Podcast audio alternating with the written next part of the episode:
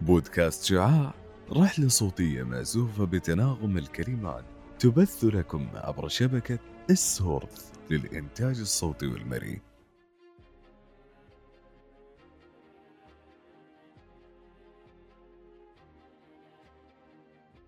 الفنون المرئية هي كل ما يراه الإنسان ويتمتع برؤيته لكن ماذا لو كان بإمكانك أن تجعل هذه الفنون ملموسة على أرض الواقع؟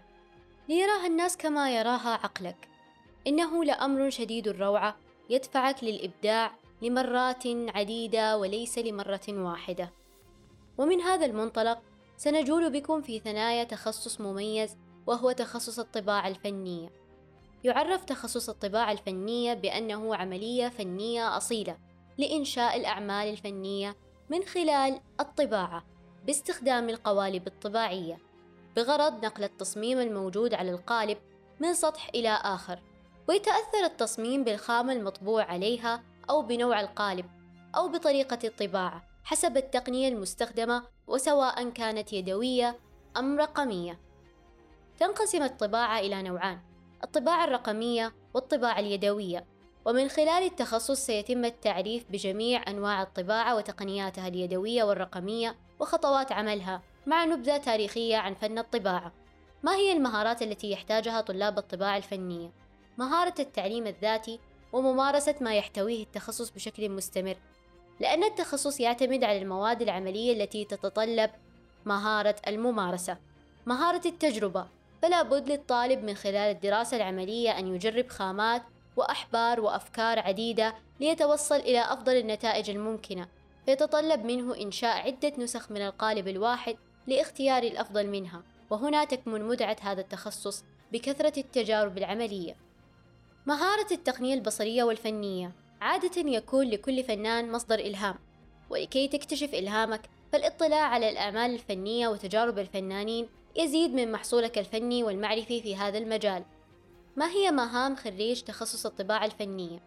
يوظف هذا المتخصص مهاراته في مجال الطباعة الفنية ليواكب التطور التقني والفني لمجال الفنون البصرية بمشاركته في المشاريع والمعارض الفنية فن الطباعة يرتبط بعدة مجالات مثل الأزياء فيمكن للخريج أن يعمل في مجال طباعة المنسوجات وصباغتها وأيضا في مجال تصميم الجرافيك حيث يقوم بتوظيف التصاميم وطباعتها يدويا أو رقميا. مجال التذكارات والهدايا بصنع الكروت والأغلفة. عدد سنوات الدراسة أربع سنوات ويتوافر هذا التخصص في المملكة العربية السعودية في جامعة واحدة فقط وهي جامعة الأميرة نورة بنت عبد الرحمن في كلية التصاميم والفنون تحت قسم الفنون البصرية والدرجة العلمية كالتالي البكالوريوس في الفنون البصرية الطباعة الفنية. إيجابيات التخصص بيئة الطالب داعمة ومشجعة ومن خلال الدراسة يحتويك عدد من أعضاء هيئة التدريس في المجال بطريقة تساهم بشكل كبير من تطور أسلوب الطالب الفني في مدة قصيرة لأنك منذ البداية تتلقى التوجيه الصحيح والنقد البناء في خطوات عملك إلى الانتهاء منه. يحتاج تخصص الطباعة الفنية إلى معامل وأجهزة خاصة ببعض التقنيات وهي متوفرة في الجامعة. مساعدة الطالبات لبعضهم البعض فعند مواجهة صعوبة ما نتشارك في التجارب وكيفية العمل لحل المشكلة.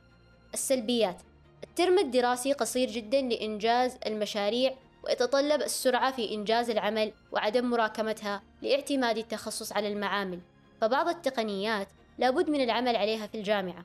التكلفة المادية لابد من دراسة الميزانية والادخار للأدوات والطلبات وذلك لاعتماد التخصص عليها بشكل كبير. بعض الوسائط المستخدمة لها رائحة قوية جدا يفضل العمل عليها في مكان مفتوح أو ذا تهوية جيدة. تصحيح لبعض الأفكار المغلوطة. لا يتطلب التخصص أن يكون مستواك عالي في الرسم بل يكفي أن يكون لديك الحب والشغف بالفنون وممارستها.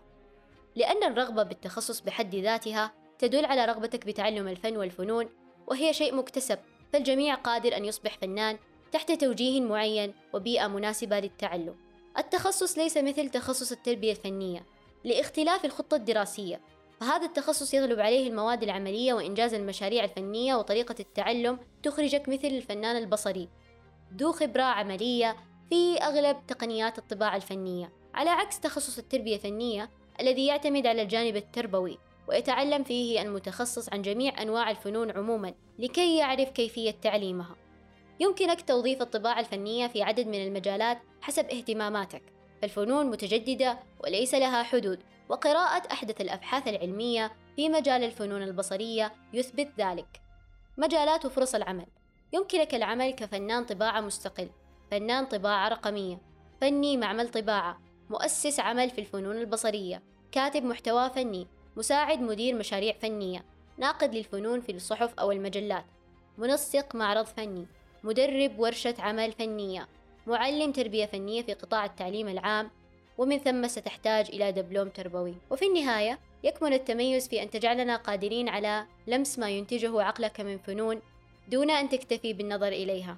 دمتم بخير.